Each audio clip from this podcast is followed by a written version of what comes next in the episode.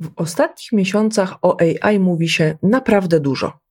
Od zachwytów jej możliwościami, a konkretniej możliwościami pojawiającymi się z, jak grzyby po deszczu narzędziami, przez złowieszcze wizje utraty pracy po całkowitą zagładę. W tym odcinku Odcieni Biznesu nie będziemy jednak rozmawiać o możliwościach, jakie daje nam sztuczna inteligencja generatywna, a tym, co ono oznacza dla rynku pracy.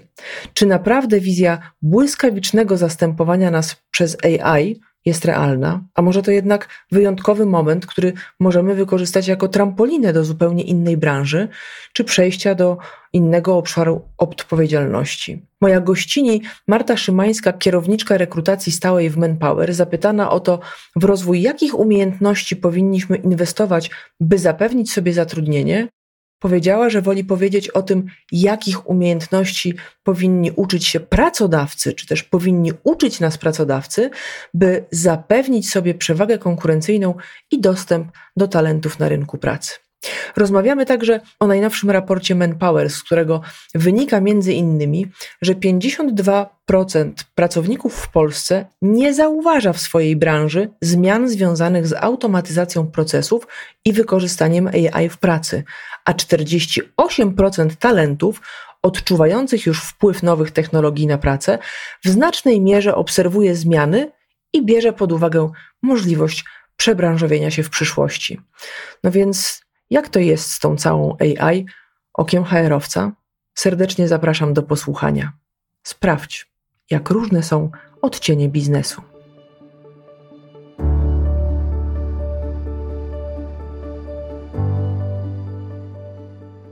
Dzień dobry, witam w kolejnych odcieniach biznesu. Dziś moim gościem jest pani Marta Szymańska, kierownik rekrutacji stałej w Manpower. Dzień dobry, pani Marto. Dzień dobry, witam serdecznie pani Emilio. No więc Pani Marto, zaprosiłam Panią do rozmowy, bo nie tak dawno opublikowaliście Państwo nowy raport pod tytułem Nastroje polskiego rynku pracy z perspektywy kandydatów. To może zacznijmy od tego, to jakie są te nastroje? Co się dzieje na rynku pracy w chwili obecnej?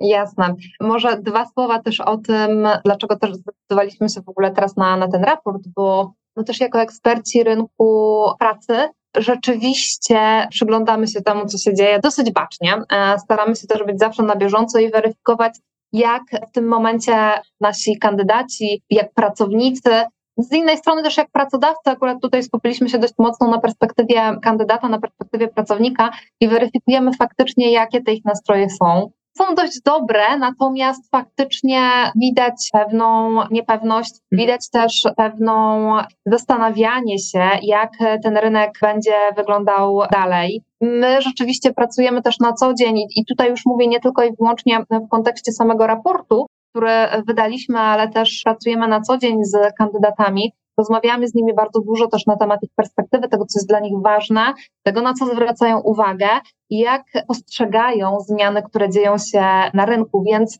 oczywiście jest pewna niepewność, ona się utrzymuje już dosyć długo, do tego troszeczkę chyba jesteśmy przyzwyczajeni. Natomiast widzimy też zmieniające się priorytety. To oczywiście jest jakiś wynik pandemii, to też jest później wynik wojny, wynik chociażby inflacji. Więc oczywiście obserwujemy też swego rodzaju niepewność. Obserwujemy mimo wszystko też dość taką, powiedziałabym, spokój o miejsce pracy, przynajmniej u większości z tych pracowników. Mhm. Nie obawiają się też tego, że od razu zostaną zwolnieni, przynajmniej ich część, aczkolwiek widać też pewne symptomy tego, że są grupy, które o to stanowisko swoje obawiają się i tutaj już w różnych kontekstach. Mhm. To powiedzmy trochę więcej, bo rzeczywiście jest tak, że to, co uderza z tego raportu, bo to są jego pierwsze strony, że 43% badanych mówi, czuje się pewnie na zajmowanym stanowisku, a 33% mówi, jestem pewny swojego miejsca pracy. Trochę trudno przewidzieć, co wydarzy się w kolejnych miesiącach. Więc ta pula osób, które no, ma ten dreszcz na plecach, jest zdecydowanie mniejsza. Tak? Natomiast powiedzmy, kto się obawia, to znaczy, które grupy czy które branże obawiają się utraty pracy najbardziej? Jasne.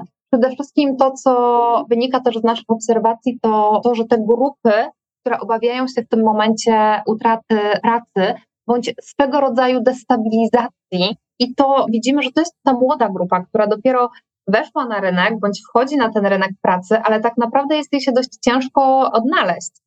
No bo też mieliśmy trochę te takie dwa lata pandemicznej przerwy, możemy powiedzieć, w takim standardowym biegu kariery, w standardowym biegu pracy. To są rzeczywiście grupy, które gdzieś tam mają swego rodzaju obawę, nie są jeszcze osadzone z jednej strony. Z drugiej strony oczywiście mamy też pokolenie, które no, jest to już to pokoleniem 55 plus, 50 plus, raczej obserwuję 55 plus, gdzie rzeczywiście zastanawiają się w jaki sposób ta ich kariera zawodowa dalej będzie wyglądać czy właśnie zmiany, które w tym momencie się dzieją, wpłyną też na ich pracę, czy nie, czy ich stanowiska nadal będą potrzebne, czy też nie będą potrzebne. Więc z całą pewnością to jest e, też jakaś grupa osób, która obawia się bądź zastanawia się, jak ich przyszłość zawodowa może wyglądać. To jeżeli chodzi o, o grupy e, wiekowe. Natomiast oczywiście to nie tylko grupy wiekowe, no też trzeba spojrzeć faktycznie na te stanowiska. Przede wszystkim są to te stanowiska, gdzie mogą być to stanowiska fizyczne, aczkolwiek też pewnie jakieś słowo komentarza za chwilę o tym. Natomiast to też są stanowiska, gdzie praca jest w dużej mierze manualna, w dużej mierze taka, gdzie rzeczywiście nie jest ona zautomatyzowana. To, to też widzimy. Idąc dalej, są to oczywiście grupy chociażby bezpośredniej obsługi klienta. Wiemy też po pandemii, że bardzo dużo procesów sprzedaży, zakupu przeniosło się po prostu do sieci i wiele osób faktycznie kontynuuje też tą swoją ścieżkę zakupu właśnie w e-commerce. Ja, ja sama to praktykuję, może nie zawsze, mhm. natomiast rzeczywiście no jest to dla mnie po prostu wygodne. Więc to są przede wszystkim takie grupy, które przypatrują się temu i na pewno jakaś obawa z ich strony się pojawia. I idąc dalej, to też to, co zauważamy tu już bardziej w rozmowach mm, z kandydatami, to też to, że osoby, które gdzieś tam są być może mniej elastyczne, nie chcę powiedzieć otwarte na zmianę, bo to nie o to chodzi, ale w jakiś sposób jednak mają swoje przyzwyczajenia, w jakiś sposób wierzą też w tą metodę pracy, którą mają. Tutaj też to, co zauważamy, to jest taka pewna rzeczywiście obawa, bo nie są też przekonani, czy będą w stanie potencjalnie się w jakiś sposób przestawić na to niezdefiniowane nowe. Mhm. To prawda, natomiast mm, padła informacja z Pani ust związana z e, pracownikami 55, plus. oni są, czy w ogóle 50, plus, oni są bardzo bliscy moim, mojemu sercu z racji tego, e, co robię w kontekście różnorodności wiekowej, ale też mówi Pani o tych młodych pracownikach, czyli o zetkach. I jak słyszę ten e-commerce, to zastanawiam się, na ile biznes, bo to jest jakoś takim moim języczkiem uwagi, na ile biznes w ogóle rozumie zmiany demograficzne, z którymi mamy do czynienia, bo już w tej chwili co trzeci klient w Polsce ma skończone 60 lat. Ja nawet nie sięgam głębiej. Grupa osób, które ma w tej chwili 50 i więcej, to jest chyba ponad 14 milionów. No i teraz zastanawiam się, na ile te biznesy, które funkcjonują całkiem sprawnie, w perspektywie najbliższych kilku lat będą mogły sobie pozwolić e, na to, żeby nie zatrudniać tych osób, które teraz się o tę pracę boją.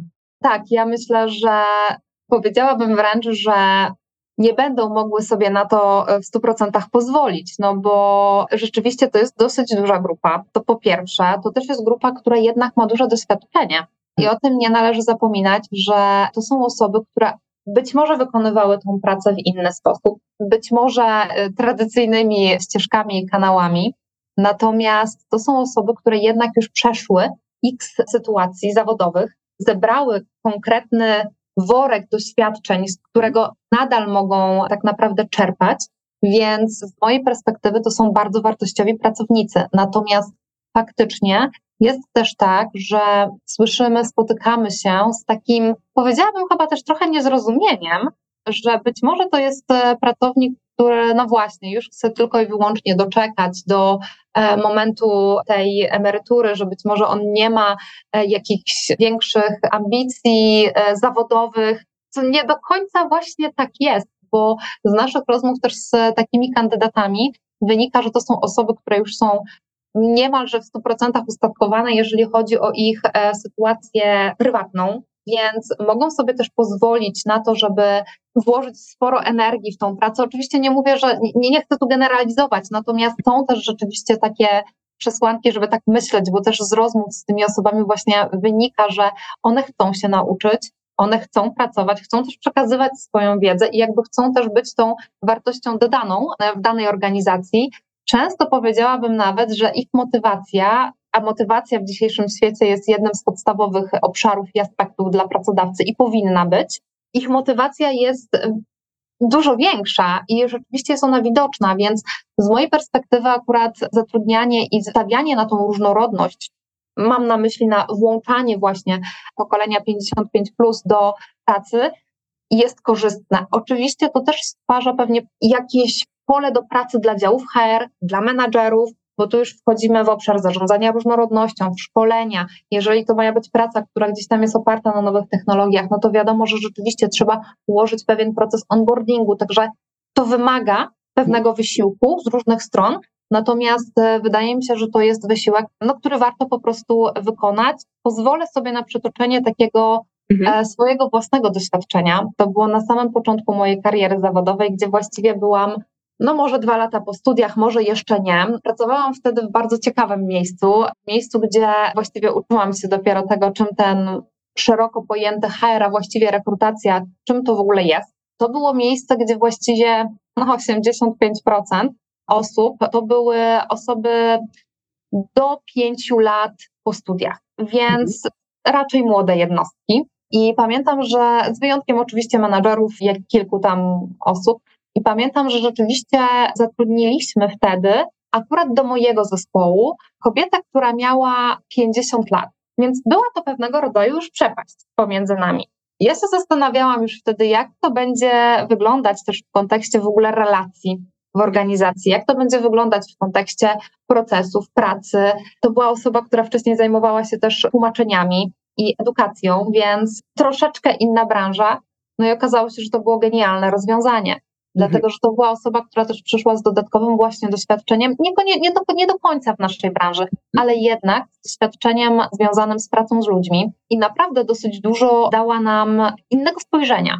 Więc to jest tylko taki przykład e, z mojego własnego doświadczenia, który przekonał mnie i utwierdził w tym, że to jest e, też dobry ruch. Patrząc na to oczywiście statystycznie, tak, to jak najbardziej, ale też patrząc na to z takiej perspektywy biznesowej, z takiej perspektywy e, zarządzania zespołem i zarządzania już e, organizacją. Tak, i ja mam takich przykładów całe mnóstwo. W ogóle cieszę się, że on padł z Pani ust, bo to jest rzeczywiście element niedoceniany.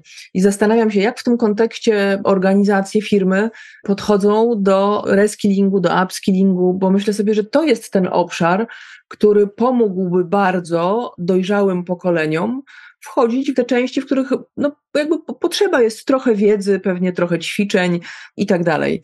Więc y, tutaj jak to pani widzi ze swojej perspektywy? Jest taka gotowość, bo mówi się sporo o re i upskillingu, natomiast czy to się dzieje realnie w procesach? No, to się dzieje realnie w procesach, być może jeszcze nie na taką skalę, na jaką powinno się dziać. Mhm. Natomiast co się dzieje w procesach, e, my rzeczywiście i ja też to gdzie obserwuję, że ten upskilling, reskilling jest potrzebne, ale też ma miejsce, ma realnie miejsce, to mhm. mimo wszystko są to chociażby firmy produkcyjne, też firmy logistyczne.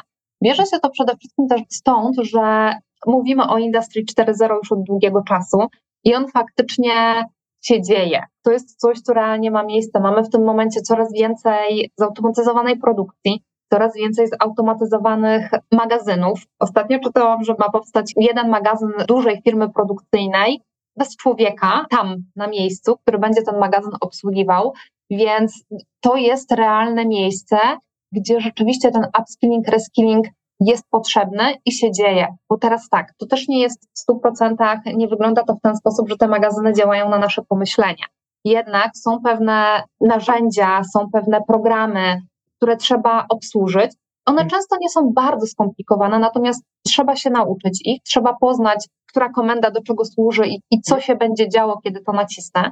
Więc w tym przypadku rzeczywiście my obserwujemy, że jest coraz więcej e, upskillingu, reskillingu i te firmy faktycznie inwestują. Istnieje też bardzo dużo bootcampów związanych z technologią, związanych z IT. i to już oczywiście od długiego czasu, od momentu, kiedy rzeczywiście programiści byli tą najbardziej poszukiwaną grupą na rynku. Te bootcampy nadal istnieją, bo rzeczywiście to zapotrzebowanie nadal jest, więc mnóstwo firm też to organizuje. Także to się realnie dzieje. Moim zdaniem te programy mają też szansę pomóc pracodawcom, natomiast wciąż, w mojej opinii, ta grupa jest jeszcze niewystarczająco liczna, żeby rzeczywiście zaktywizować wszystkie osoby, czy większą część mhm. E, osób właśnie z tego pokolenia. Natomiast faktycznie to zaczyna się dziać. Też jest to oczywiście związane z finansami, ponieważ wiadomo, że nie każda organizacja, nie każda firma będzie w stanie sobie na to pozwolić. To są faktycznie programy, które są kosztowne, nie tylko finansowo, natomiast są też kosztowne pod kątem zasobów energii, y, ułożenia całego tego procesu, więc jest pewna grupa, która jeszcze patrzy i obserwuje, natomiast jest też już pewna grupa, która aktywnie faktycznie w tym temacie działa. I myślę sobie, że takie jeszcze słowo komentarza, że właśnie jak mówimy często też o kompetencjach, co ten pracownik powinien umieć, to ja mhm. myślę, że tutaj trzeba by było powiedzieć o takiej kompetencji, co ten pracodawca powinien umieć.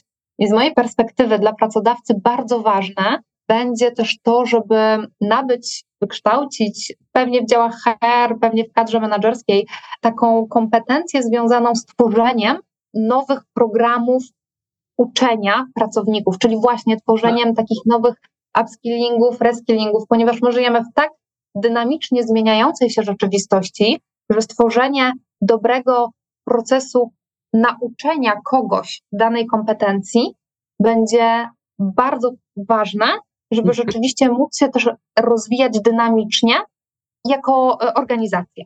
Mhm. Więc to jeszcze tak na marginesie a propos tych kompetencji, ale pracodawców, a nie pracowników tym razem. No i, i to jest ciekawa perspektywa, bo my zawsze mówimy, to pracodawca wymaga. Ja zresztą będę chciała podpytać o to, no właśnie, w co inwestować, ale to, to jeszcze za moment ale to, co pracodawca powinien doskonalić wewnątrz, żeby spełniać oczekiwania pracowników, ale też, żeby nadążać za rynkiem.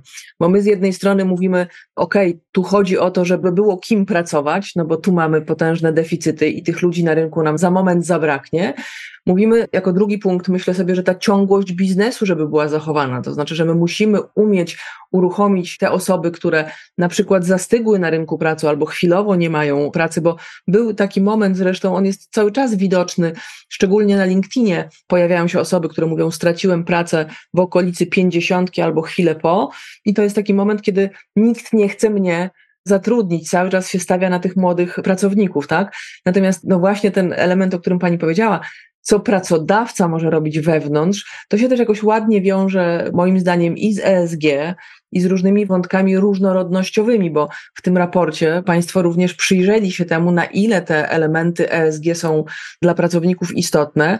No i tam się pojawiły bardzo dwa pierwsze, najwyższe słupki, czyli 71% mówi, dbanie o work-life balance jest ważne, a drugi element, dbanie o rozwój pracowników, 69% badanych, 40% aspekt społeczny, dbałość o relacje z klientami, pracownikami i cała reszta już trochę niżej, natomiast tam się pojawiają też wątki dyskryminacyjne w miejscu pracy, czyli przeciwdziałanie dyskryminacji, ochrona środowiska i polityka różnorodności. To są te elementy, które zostały tam wymienione. Więc też widać, że są takie oczekiwania po stronie pracowników, żeby się cały czas rozwijać. Myślę, że te młode pokolenia i zetki, które są na rynku, również oczekują tego, że organizacja będzie je zasilać, bo oczywiście w trochę innym momencie się urodzili i być może z większą łatwością wskakują w technologiczne nowinki. Natomiast też wyobrażam sobie, że edukacja jest dość szerokim workiem i łączenie różnych kompetencji tam też ma, ma znaczenie.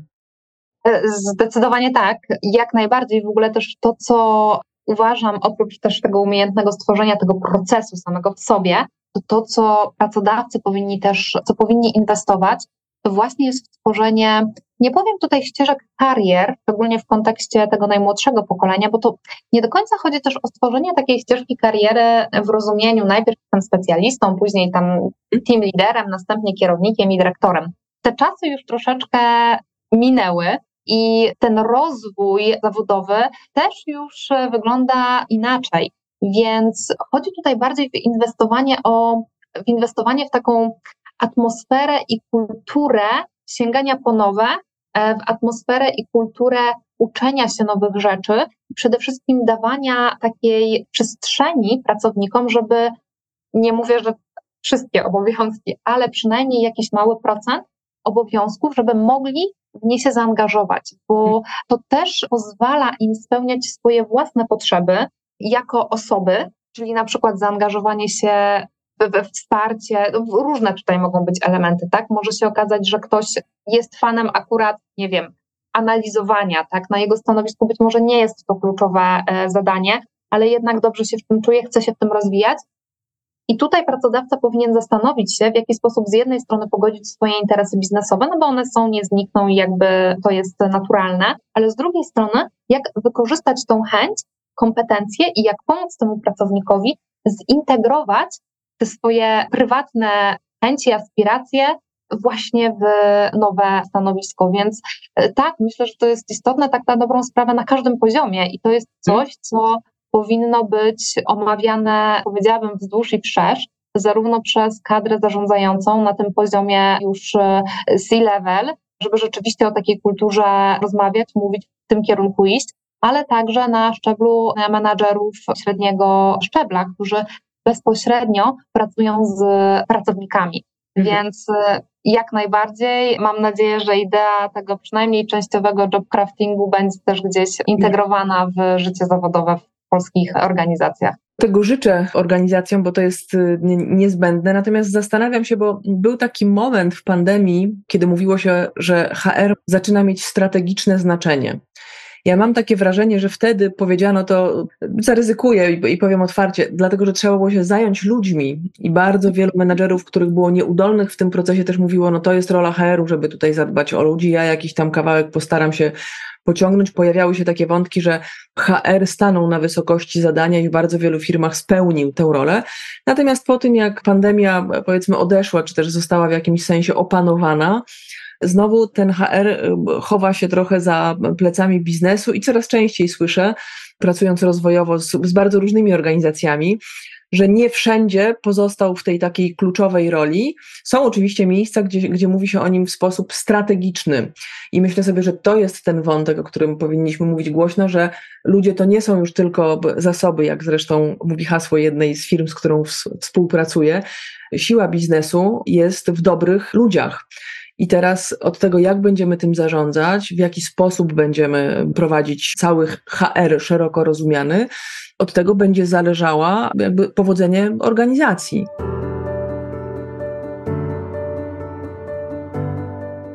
Natomiast czy pani czuje, że ten HR w firmach, z którymi pracujecie, a, a, jesteście jednym z kluczowych graczy rynku, że ten HR rzeczywiście zdobywa sobie tą, e, czy utrzymuje tą kluczową rolę? Myślę, że w części przypadków tak, to rzeczywiście widać. Nie powiem, że we wszystkich, bo absolutnie nie, tak nie jest. Natomiast w wielu organizacjach, przede wszystkim w tych organizacjach, które faktycznie przemyślały, wyciągnęły wnioski z całej e, pandemii, mhm. które faktycznie zobaczyły jakie mogą być negatywne konsekwencje tego, że zaniedbujemy dobrostan ludzi. Negatywne konsekwencje, mam na myśli konsekwencje też biznesowe. I zauważyły i zobaczyły, że rzeczywiście tu jest bardzo bezpośrednie połączenie, to rzeczywiście to się utrzymuje i ten dział HR zdobywa sobie tą swoją kluczową strategiczną rolę. E, może bardziej właśnie strategiczną, jako taki prawdziwy dział HR, no bo przecież wiele rzeczy, wiele produktów czy usług, w ogóle pomysłów nadal kreują ludzie.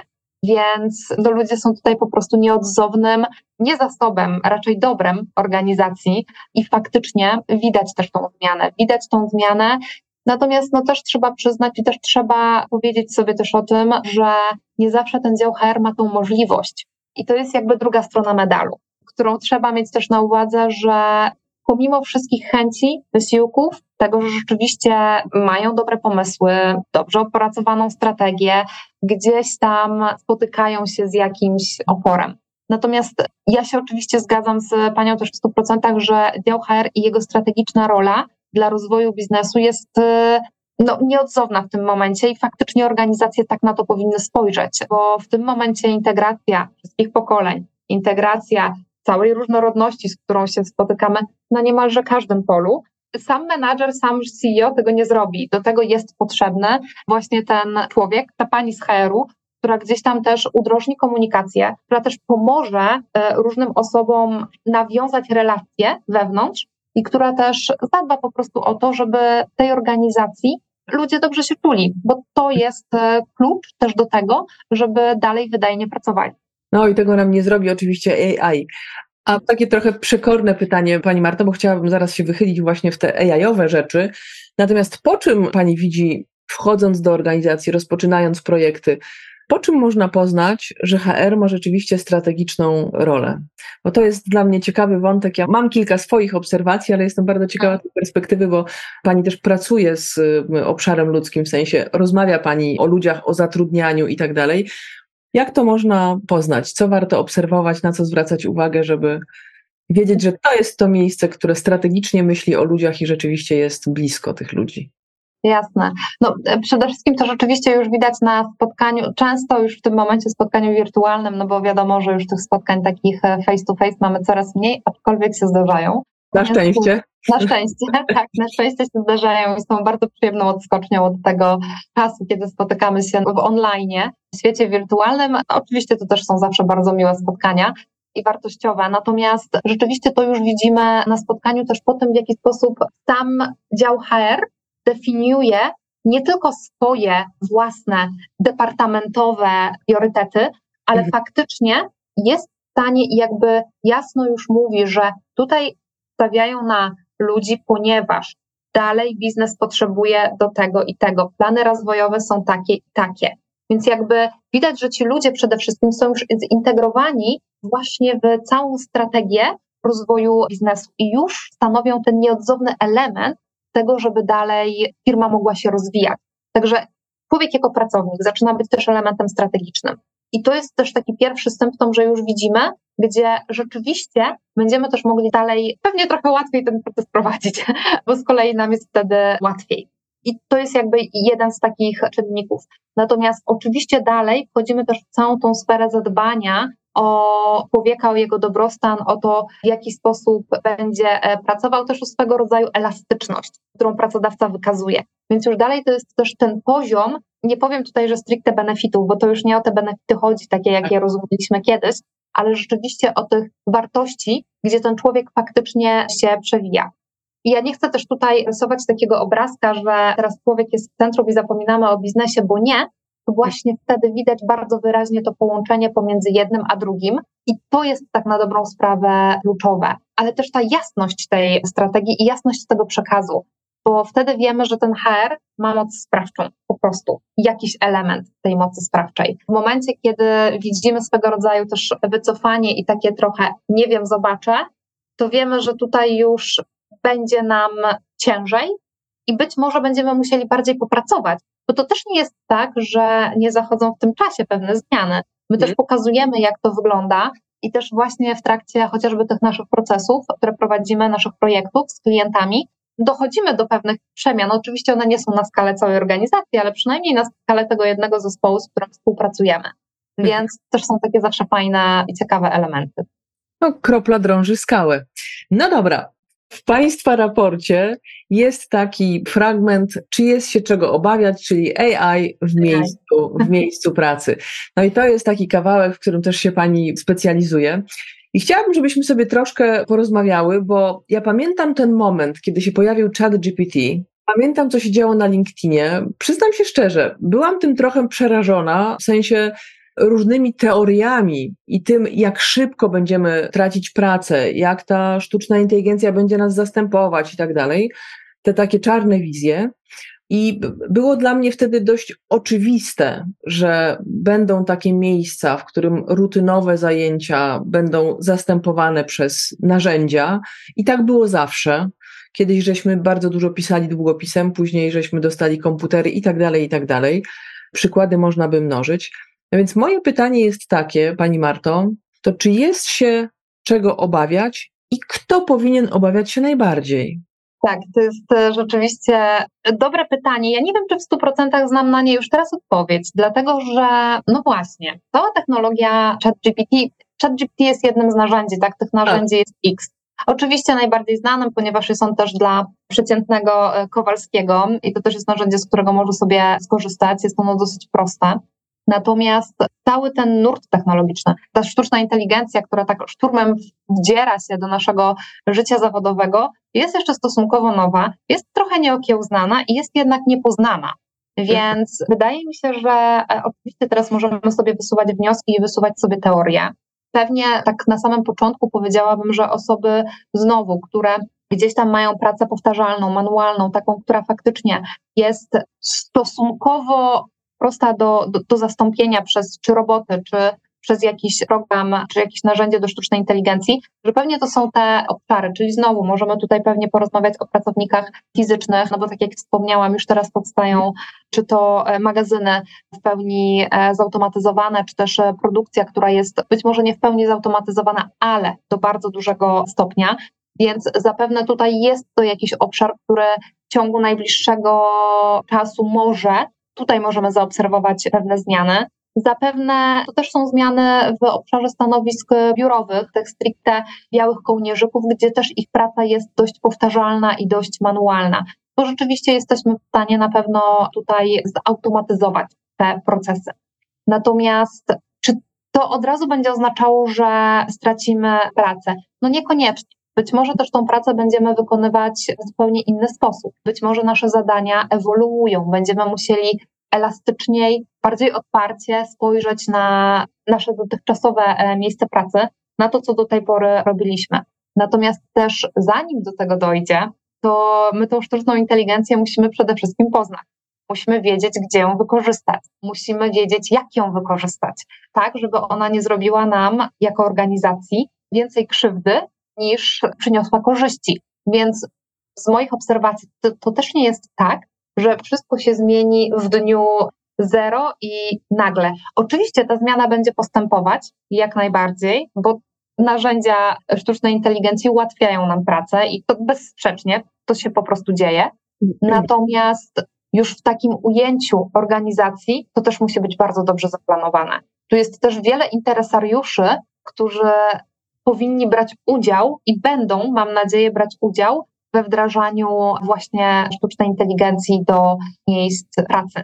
Natomiast cieszę się, że mówi się o tej sztucznej inteligencji, że mówi się o tym dużo i że mówi się o tym na różnych szczeblach, dlatego że to też troszeczkę oswaja ten temat i też daje czas, żeby dobrze się przygotować. Dokładnie. Zresztą w raporcie jest takie pytanie, czy zauważasz zmiany w Twojej branży, a przekrojowo Państwo podeszli do branż, bo tam jest ich tak. co najmniej kilka, jak nie kilkanaście.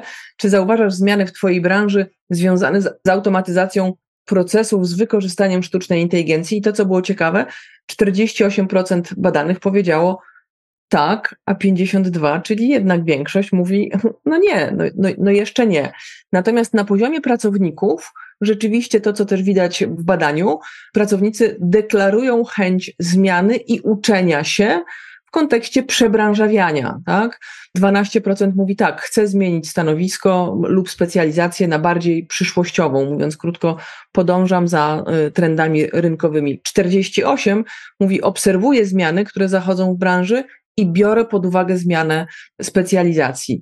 I no myślę sobie, że to jest jednak dobry prognostyk, że ludzie mówią, widzimy w tym wartość, my się musimy nauczyć z tego korzystać, bo oczywiście, tak jak pani powiedziała, to jest tak, że my możemy sobie sięgnąć po sztuczną inteligencję i każdy z nas może sobie z, z, niej skorzystać.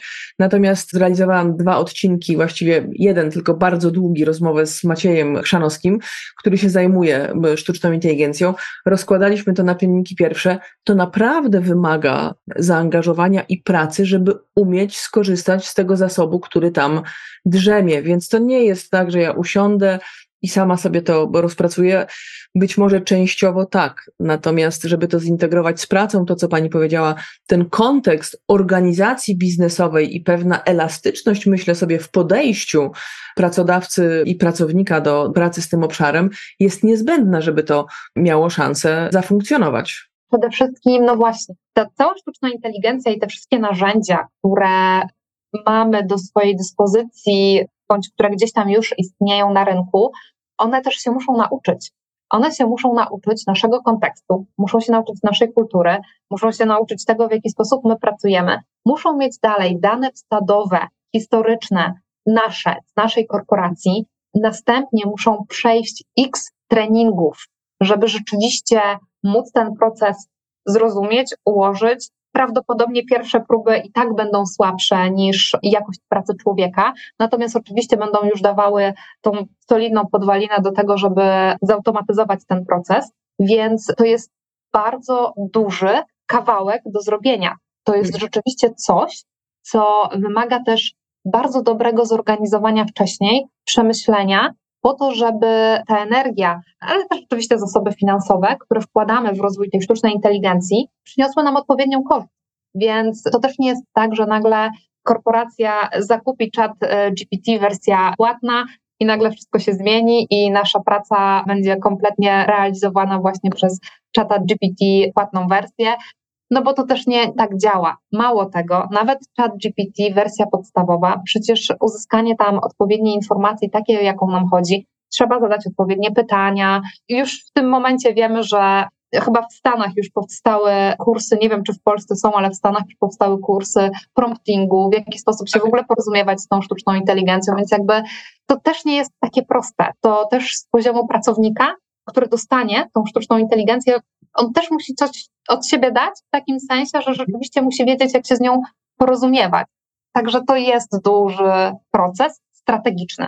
Tak, w Polsce już są, na bank są kursy i szkolenia z promptowania, bo to jest w ogóle sztuka, to znaczy pierwsza podstawowa rzecz, którą trzeba umieć, to umiejętność napisania prompta i wiem, że chociażby Maciej właśnie, z którym miałam przyjemność rozmawiać, też tego, uczy tego podejścia. Natomiast rzeczywiście pokazuje, jak wiele czasu można zaoszczędzić i jak ogromne zasoby finansowe można oszczędzać w kontekście na przykład tłumaczenia różnych dokumentów. Ja ostatnio sama skorzystałam z narzędzia, bo otrzymałam potężny raport, który ma prawie 300 stron. I to nie chodzi o to, że ja go nie mogę przeczytać w języku angielskim, tylko wymagany jest dość długi czas, a ja potrzebowałam mieć garść informacji, takich kluczowych, więc po pierwsze, łatwiej byłoby mi po polsku i użyłam dwóch narzędzi. DeepL, który mi przetłumaczył dokument w zasadzie przez chwilę. To też podpowiadam dla tych, którzy chcą skorzystać. Dwa tygodnie pierwsze korzysta się z niego bezpłatnie. Do 20 dokumentów można przetłumaczyć nieograniczonej e, wielkości. I to, co było dla mnie absolutnym zaskoczeniem, że ja wrzuciłam dokument w PDF-ie i wyjęłam dokument w PDF-ie praktycznie jeden do jednego z drobnymi tam przesunięciami. Tu chodzi o to, że po prostu też jeszcze nie są to idealnie doskonałe narzędzia i jakość tego tłumaczenia była dla mnie zaskakująca. To jest jakby pierwsza obserwacja. Druga jest taka, że w tym narzędziu jest kilkadziesiąt języków, więc to było coś, co mnie naprawdę wcisnęło w fotel. Zaczęłam się zastanawiać, no właśnie, to do, do, czego będą nam potrzebni tłumacze? To znaczy, czy w ogóle będziemy się uczyć języków obcych? To taką miałam obserwację, a następnie wrzuciłam to do kolejnego narzędzia, który wyciągnął mi kluczowe wnioski, żeby się z tym zapoznać. I myślę sobie, że tutaj tak.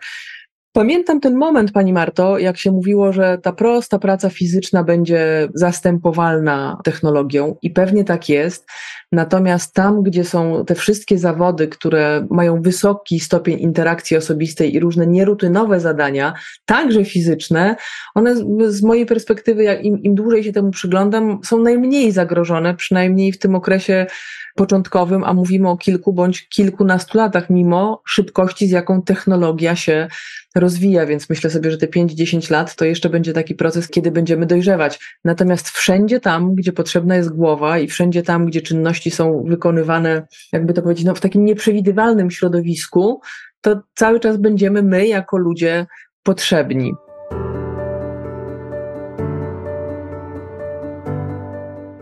Ja mam pytanie w tym kontekście, bo powiedziała Pani o tych pracodawcach, co oni powinni doskonalić, jak powinni się rozwijać pracodawcy, żeby sprostać temu rynkowi, który jest rynkiem trudnym i wyzwaniowym. To w co powinni inwestować, w rozwój jakich kompetencji powinni inwestować pracownicy, o czym powinniśmy myśleć, żeby zapewnić sobie aktywność na rynku pracy jeszcze przez długie lata, bo też wszyscy wiemy, że prawdopodobnie będziemy pracować dłużej, ci, którzy będą chcieli. No i teraz, jeżeli ta granica dla kobiet jest 60 i chyba 65 w tej chwili, tak? 65 jest mężczyźni? Chyba, chyba tak. tak. Emerytura. I tak sobie myślę o tym, że bardzo wiele osób, i ja znam i pracuję z takimi organizacjami, gdzie osoby już na emeryturze pracują, tak? to w co my mamy inwestować? W rozwój jakich umiejętności i kompetencji, żeby na tym rynku zapewnić sobie miejsce? Bo czytamy, że będziemy potrzebni, to czego się uczyć, żeby być? To jest e, też bardzo ciekawe, też trochę trudne, muszę powiedzieć, pytanie, bo tak na dobrą sprawę, biorąc pod uwagę mimo wszystko tempo tych zmian i rzeczywiście tempo nawet rozwoju sztucznej inteligencji, oczywiście to będzie, tak jak Pani powiedziała, czas, zanim te całe stanowiska będzie mogła przejąć sztuczna inteligencja, bo że elementy stanowisk to jestem pewna właśnie te mozolne, o których Pani wspomniała mhm. wcześniej, więc tak naprawdę troszeczkę będzie się też zmieniał kontekst, w którym będziemy w przeciągu tych 10-15 lat.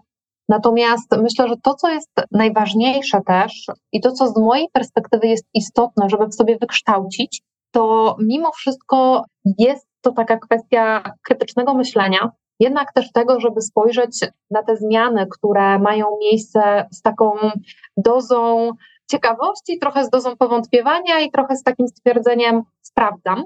I to jest, myślę, coś, co będzie e, bardzo niezbędne, no bo pomimo tych wszystkich zmian, nadal gdzieś tam dalej jest człowiek, który te zmiany inicjuje, akceptuje, który ma kluczową rolę, więc mhm. jego krytyczne spojrzenie jest ważne. Idąc oczywiście dalej, to też jest trochę kwestia związana właśnie z otwartością i też spróbowaniem, jak te nowe narzędzia mogą nam pomóc. Mhm. To nie jest jakaś jedna konkretna kompetencja, natomiast to jest bardziej taka zachęta do tego, żeby rzeczywiście ludzie nie bali się pracy z tym copilotem, z asystentem i żeby rzeczywiście próbowali integrować go w swoje codzienne stanowisko, bo tak na dobrą sprawę to też w jakiś sposób otwiera nam nowe szufladki w głowie i nagle pojawia się też czas na to, żebyśmy mogli pomyśleć w sposób kreatywny właśnie o usprawnianiu.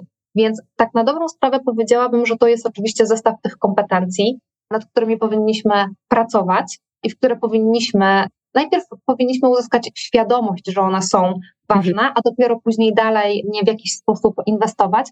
No i oczywiście zdolność do ciągłego uczenia się przez konsekwencje, bo to jest akurat słowo klucz, myślę, do wszystkiego, czyli konsekwencja, też na pewno będzie nam przydatna i pomoże nam dalej popchnąć tą naszą karierę zawodową do przodu tak jak Pani powiedziała, ciężko teraz powiedzieć o tym, że tak jak mówiło się jeszcze 15 lat temu, naucz się tego i tego języka i, i będzie super, tak? I od razu dostaniesz pracę. Ja ubolewam, bo ja sama jestem po e, filologiach, więc miałam dokładnie taką myśl, jak też użyłam DeepL pierwszy raz i też się nad tym zastanawiałam.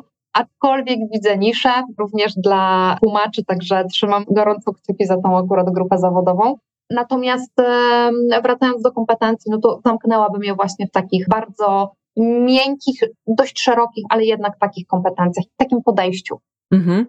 A jak patrzy Pani od strony liderów, czy to podejście powinno się jakoś różnić? Bo też myślę sobie, że organizacje powinny wspierać liderów w rozwoju do tego, żeby, no właśnie, dobrze i sprawnie, efektywnie funkcjonować na rynku, dbając o to, żeby firmy były konkurencyjne, a ta konkurencyjność w dużej mierze jest pracą związaną z tymi kompetencjami, o których Pani powiedziała, czyli z krytycznym myśleniem, z kreatywnością i tak dalej.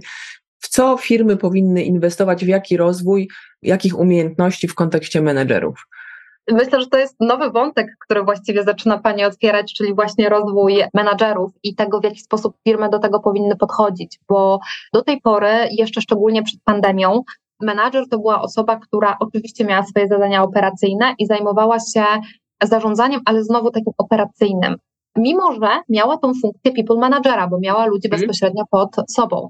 Myślę, że właśnie teraz jesteśmy w takiej, i teraz jest to kluczowe, żeby ten menadżer przestał być tym menadżerem stricte operacyjnym. Oczywiście tam ten procent operacyjności musi być, natomiast powinien położyć e, bardzo duży nacisk na właśnie ten cały people management. Czyli po pierwsze, na to, żeby być w stanie rozmawiać ze swoimi ludźmi otwarcie, więc umiejętność takiej otwartej dyskusji na hmm. temat ich potrzeb, tego, gdzie chcą być za jakiś czas, jaka jest ich motywacja, co nimi drive'uje w tej codziennej pracy, to to jest moim zdaniem pierwsza też kluczowa rzecz, bo tutaj już dostajemy taki pierwszy ogląd tego, jak wyglądają te nasze zasoby ludzkie. Czyli rzeczywiście jakimi kompetencjami też dysponujemy wewnątrz.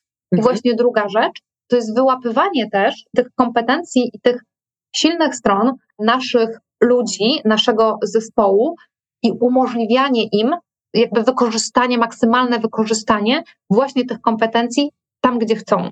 Oczywiście cały czas pamiętając o tej części biznesowej, bo nie chcę tutaj brzmieć, że o tym zapominam. Nie, absolutnie nie. Natomiast to jest też kluczowe, żeby rzeczywiście menadżer był w stanie wyłapać i też oddać, umożliwić ten rozwój, szukać troszeczkę możliwości. Ja kiedyś usłyszałam takie bardzo, już dawno temu, ale taką frazę, że jakby rolą menadżera jest zapewnienie komfortowego miejsca pracy dla swoich ludzi. I ja myślę, że teraz ona jeszcze bardziej i jeszcze więcej zyskała na znaczeniu, bo tutaj już odchodzimy od tej menadżerskości to zrób, tylko musimy wejść w tą erę umożliwię ci.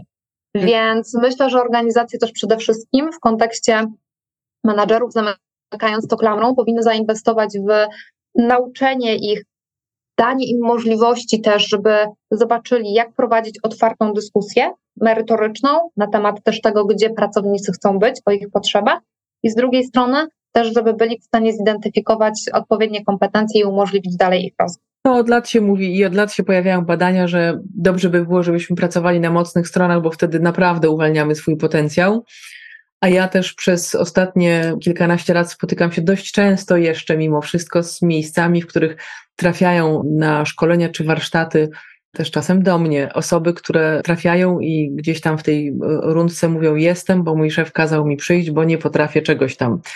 I mam tu potężne deficyty. I ja wiem, że wszystko można odrobinę rozwinąć, ale czasami jak się poskrobie bardziej i zaczyna się rozmawiać z taką osobą i mam taki case, gdzie znam człowieka, który powiedział, ja trzeci raz jestem, w trzeciej firmie już pracuję, jest doskonałym programistą i trzecia firma go wysyła na szkolenie jakieś tam z zarządzania czasem, organizacją taką pracy, bo w tym jest fatalny, natomiast robi doskonałe rzeczy i firmy nie potrafią sobie z tym poradzić i wysyłają go kolejno na to same szkolenie, które absolutnie nic nie zmienia w jego życiu, poza tym, że on jest dalej doskonałym programistą, rozwija swoje umiejętności, kompetencje, jest rozchwytywany na rynku. I nawet y, ostatnio, jak miałam okazję właśnie się spotkać y, z tym, że człowiekiem, który tam kolejny raz zmienił pracę, akurat nie na szkoleniu, tylko zupełnie prywatnie się znamy od iluś tam lat, powiedział mi, mówi, wiesz co, ja już się nie dam na takie szkolenie zapisać. Mówi, to znaczy ja już w tej chwili też jak rozmawiam z pracodawcą, to mówię, że ja tego nie potrafię robić, nie chcę tego robić i że prościej będzie, jak ktoś będzie pomagał mi zarządzać moim kalendarzem, a ja będę mógł się skupić na tym, co robię najlepiej, bo będę wtedy sprawczy, efektywny i tak dalej. I to jest też ciekawe, myślę sobie, że też szukamy takich miejsc, w których będziemy się czuć dobrze, tam, gdzie będziemy mieć ludzi i menedżerów, którzy potrafią nas słuchać i z nami rozmawiać. Bo te elementy, o których Pani powiedziała, to jest ta umiejętność, no właśnie, bycia blisko ludzi, żeby też odkryć, co jest tą moją ambicją, co jest dla mnie tym drive'em, który pozwala mi naprawdę e, rozpostrzeć skrzydła, ale też co powoduje, że ja chcę pracować w tym konkretnym miejscu z tymi ludźmi, których mam wokół, bo, bo ten element także w Państwa badaniu został pokazany, że ta interakcja między ludźmi w pracy, ten aspekt, szeroko rozumiany aspekt społeczny, który z wiekiem rośnie, podtrzymywania tych dobrych relacji zarówno z pracownikami, z klientami, dostawcami i tak on cały czas ma ogromne znaczenie, więc to, to jakby jasna wskazówka, czego ci menedżerowie też powinni się uczyć. Pani Marto, to w jakich branżach będzie praca? Myślę, że tak na dobrą sprawę w każdej branży będzie praca. Może w jednej mniejsza, w drugiej większa, oczywiście. Natomiast na pewno wszystkie branże, wszystkie sektory, które są związane znowu z tą automatyzacją, tak, mhm. one e, jak najbardziej będą potrzebne z robotyzacją. Natomiast też no nie możemy zapominać o tym, że nadal będziemy potrzebowali czy lekarzy, czy będziemy potrzebowali e, osób, które e, będą zajmowały się sprzedażą, zakupami. Ta praca będzie, ona się po prostu, uspokajam, ona na pewno będzie, natomiast e, ona się po prostu troszeczkę zmieni. I to jest, myślę, coś, co powinniśmy brać pod uwagę. Pewnie byłabym ostrożna też z ewentualnymi wzrostami w obszarze stanowisk znowu związanych stricte z taką obsługą klienta bezpośrednią, no bo to jest też związane właśnie z tymi zmianami. Natomiast one też oczywiście w 100% nie znikną, one się zapewne po prostu e, zmniejszą lub utrzymają na takim e, poziomie. Powiem więcej, że być może się zmieni charakter tej pracy, bo ona w moim odczuciu nie zniknie na pewno, biorąc pod uwagę starzejące się społeczeństwo. My oczywiście wchodzimy w tej chwili, czy znaczy każda kolejna grupa, która będzie odchodzić z rynku pracy, będzie miała już wyższe kompetencje technologiczne, natomiast technologia pędzi tak szybko, że firmy będą musiały nadążać, żeby edukować swoich klientów, żeby nie stracić biznesu, więc myślę sobie, że tam też jest jakiś potencjał drzemiący w tym. Jest, jest, jest bardzo duży. W ogóle, jeżeli chodzi też o nowe miejsca pracy, które mogą powstać właśnie ze względu na, na to, że, ta, że sztuczna inteligencja będzie się rozwijać, tak naprawdę jest ich też mnóstwo, bo oczywiście oprócz tego, co Pani przed chwilą powiedziała, czyli edukacja, mamy jeszcze szereg innych e, obszarów, które ta sztuczna inteligencja rzeczywiście wygeneruje, czy to kwestia związana dalej z kwestiami etycznymi, e, kwestia właśnie z nauczeniem tego naszego robota, kopilota, jak on ma w ogóle funkcjonować w naszym kontekście. To jest mnóstwo dodatkowych możliwości, które będą się przed nami otwierać. Trzeba też mieć tylko szeroko otwarte oczy. Natomiast jeszcze jeden może komentarz, bo nawet ostatnio słuchałam, nie pamiętam jakiego podcastu, ale to właśnie już chodziło stricte o AI w medycynie. I oczywiście ten AI w którymś momencie on będzie w stanie szybciej nas zeskanować, być może dać jakąś diagnozę. Natomiast to nadal nie oznacza, że zniknie ten human touch, bo ktoś z tym pacjentem musi porozmawiać. Na dzisiaj i na najbliższe lata nie wyobrażam sobie, żeby tak istotne informacje przekazywał mi e, robot. Tu po prostu będzie też trochę większy nacisk właśnie na tą kompetencję komunikacji, na kompetencję tej rozmowy, o której wcześniej rozmawiałyśmy. I to mhm. myślę jest też coś, co będzie jeszcze bardziej zintegrowane w każde stanowisko pracy. Myślę sobie, że za naszego życia tutaj nas y, żadna sztuczna inteligencja chyba nie zastąpi. Ja w tym roku miałam okazję być na potężnym takim kongresie Silver Economy, gdzie technologia rzeczywiście ma uwalniać pracowników od ciężkiej, rutynowej pracy i na przykład w kontekście opieki nad osobami leżącymi ma im uwalniać zasób czasowy, który mają poświęcać na to, żeby być z pacjentem, którym się opiekują, budować to bezpieczeństwo psychologiczne i tak dalej. I myślę sobie, że tutaj jesteśmy od tej strony bezpieczni, że, że ten człowiek zawsze będzie potrzebny. Ja w ogóle chciałabym, żebyśmy patrzyli tak, oczywiście z tyłu z głowy zawsze warto mieć te niebezpieczeństwa, które też, też na nas czyhają, ale jak czytałam nie tak dawno, że w Stanach Zjednoczonych w każdym roku dochodzi do ponad dwóch milionów, prawie trzech milionów urazów w miejscu pracy i chyba, nie chciałabym skłamać, ale wydaje mi się, że chyba pięciu tysięcy zgonów w wyniku wypadków w pracy co wiąże się z ogromnymi kosztami. I już widać, że AI może poprawiać bezpieczeństwo pracowników, w tym pracowników fizycznych, których powiedzieliśmy sobie, że w tych niepowtarzalnych i nieprzewidywalnych środowiskach pracy będziemy bardzo potrzebowali, więc też patrzę na to jako szansę i poprawienie jakości i warunków naszej pracy również. Choć pewnie trzeba się liczyć z tym, że te, te zawody, które są podatne na automatyzację i na komputeryzację w ogóle tak szeroko, będą na pewno notować spadające płace, a tam, gdzie są nierutynowe działania, tam, gdzie wymagana jest ta nasza ta interakcja międzyludzka, jakaś zręczność, no właśnie umiejętność krytycznego myślenia, one będą pewnie rosły, tu będzie popyt i tu będzie wyższa płaca, więc z tym się pewnie musimy liczyć. Pani Marto, bardzo serdecznie dziękuję za tę rozmowę. Cieszy mnie, że są strategiczne HR-y. Czego możemy życzyć pracownikom na rynku pracy na koniec? Myślę, że możemy życzyć im przede wszystkim, powiedziała, powtórzę się, ale otwartości tak na dobrą sprawę. Otwartości na nowe, bo to może być e, ciekawe. To może być z całą pewnością ciekawe, więc e, przede wszystkim tego, tego im życzę i też tego, żeby czerpali właśnie te korzyści i nie bali się tych zmian, które potencjalnie mogą nadchodzić, mhm. które nadchodzą. Tych cieni nie warto się bać, warto się temu przyglądać, mieć rękę na pulsie. Ostatnie pytanie, jakie mam do Pani, bo zadaję je wszystkim swoim gościom. Nie ukrywam, że od samiutkiego początku to, to, to było spowodowane tym, że ja wpadam w takie kanały czytelnicze i później AI pewnie częściowo podpowiada mi bardzo podobne tytuły i się skupiam na różnych książkach w takich, no, w jednej powiedzmy tematyce i postanowiłam pytać wszystkich moich gości o to, co czytają i co warto polecić, co jest godne uwagi po to, żeby to swoje portfolio trochę poszerzać. Czy jest coś, po co warto sięgnąć, Pani Marto i dlaczego? No dobre pytanie. Ja akurat bardziej słucham niż czytam. Ja akurat z racji też tego, że dość sporo przemieszczam się autem, przekonałam się też i to była dla mnie technologiczna zmiana, Aha. mimo że no, moja generacja jest z tym zaznajomiona. Ja przekonałam się akurat do słuchania, więc ja raczej jestem no bardziej w kierunku podcastów. Natomiast ja akurat ostatnio e, to, to czego dosyć dużo słucham, i myślę, że e, wiele osób to zna, ale powtórzę, to jest kanał technologicznie, e, gdzie rzeczywiście e, chłopaki opowiadają też dosyć ciekawie, teraz dużo na temat AI, Mhm.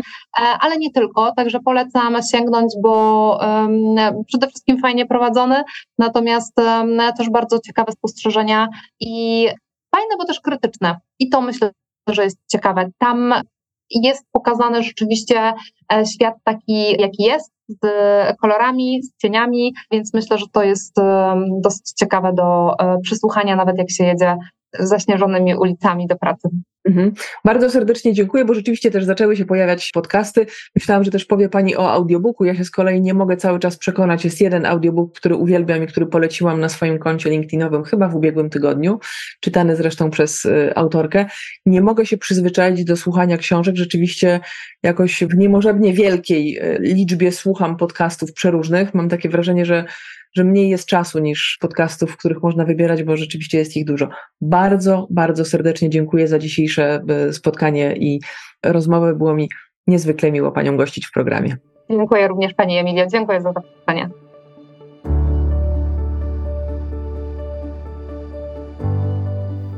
Dziękuję za Twój czas. Mam nadzieję, że nasza rozmowa była dla Ciebie inspirująca. Jeśli Ci się podobała, udostępnij ją znajomym Zostaw lajka i zasubskrybuj, aby nie umknął Ci żaden odcinek. Będzie mi miło, jeśli podzielisz się swoją opinią. Napisz kilka słów recenzji. To dzięki Tobie mogę się rozwijać i trafiać do szerszego grona odbiorców. To dla mnie ważne i bardzo Ci za to dziękuję. Już dziś zapraszam Cię na kolejny odcinek. Sprawdź, jak różne są odcienie biznesu.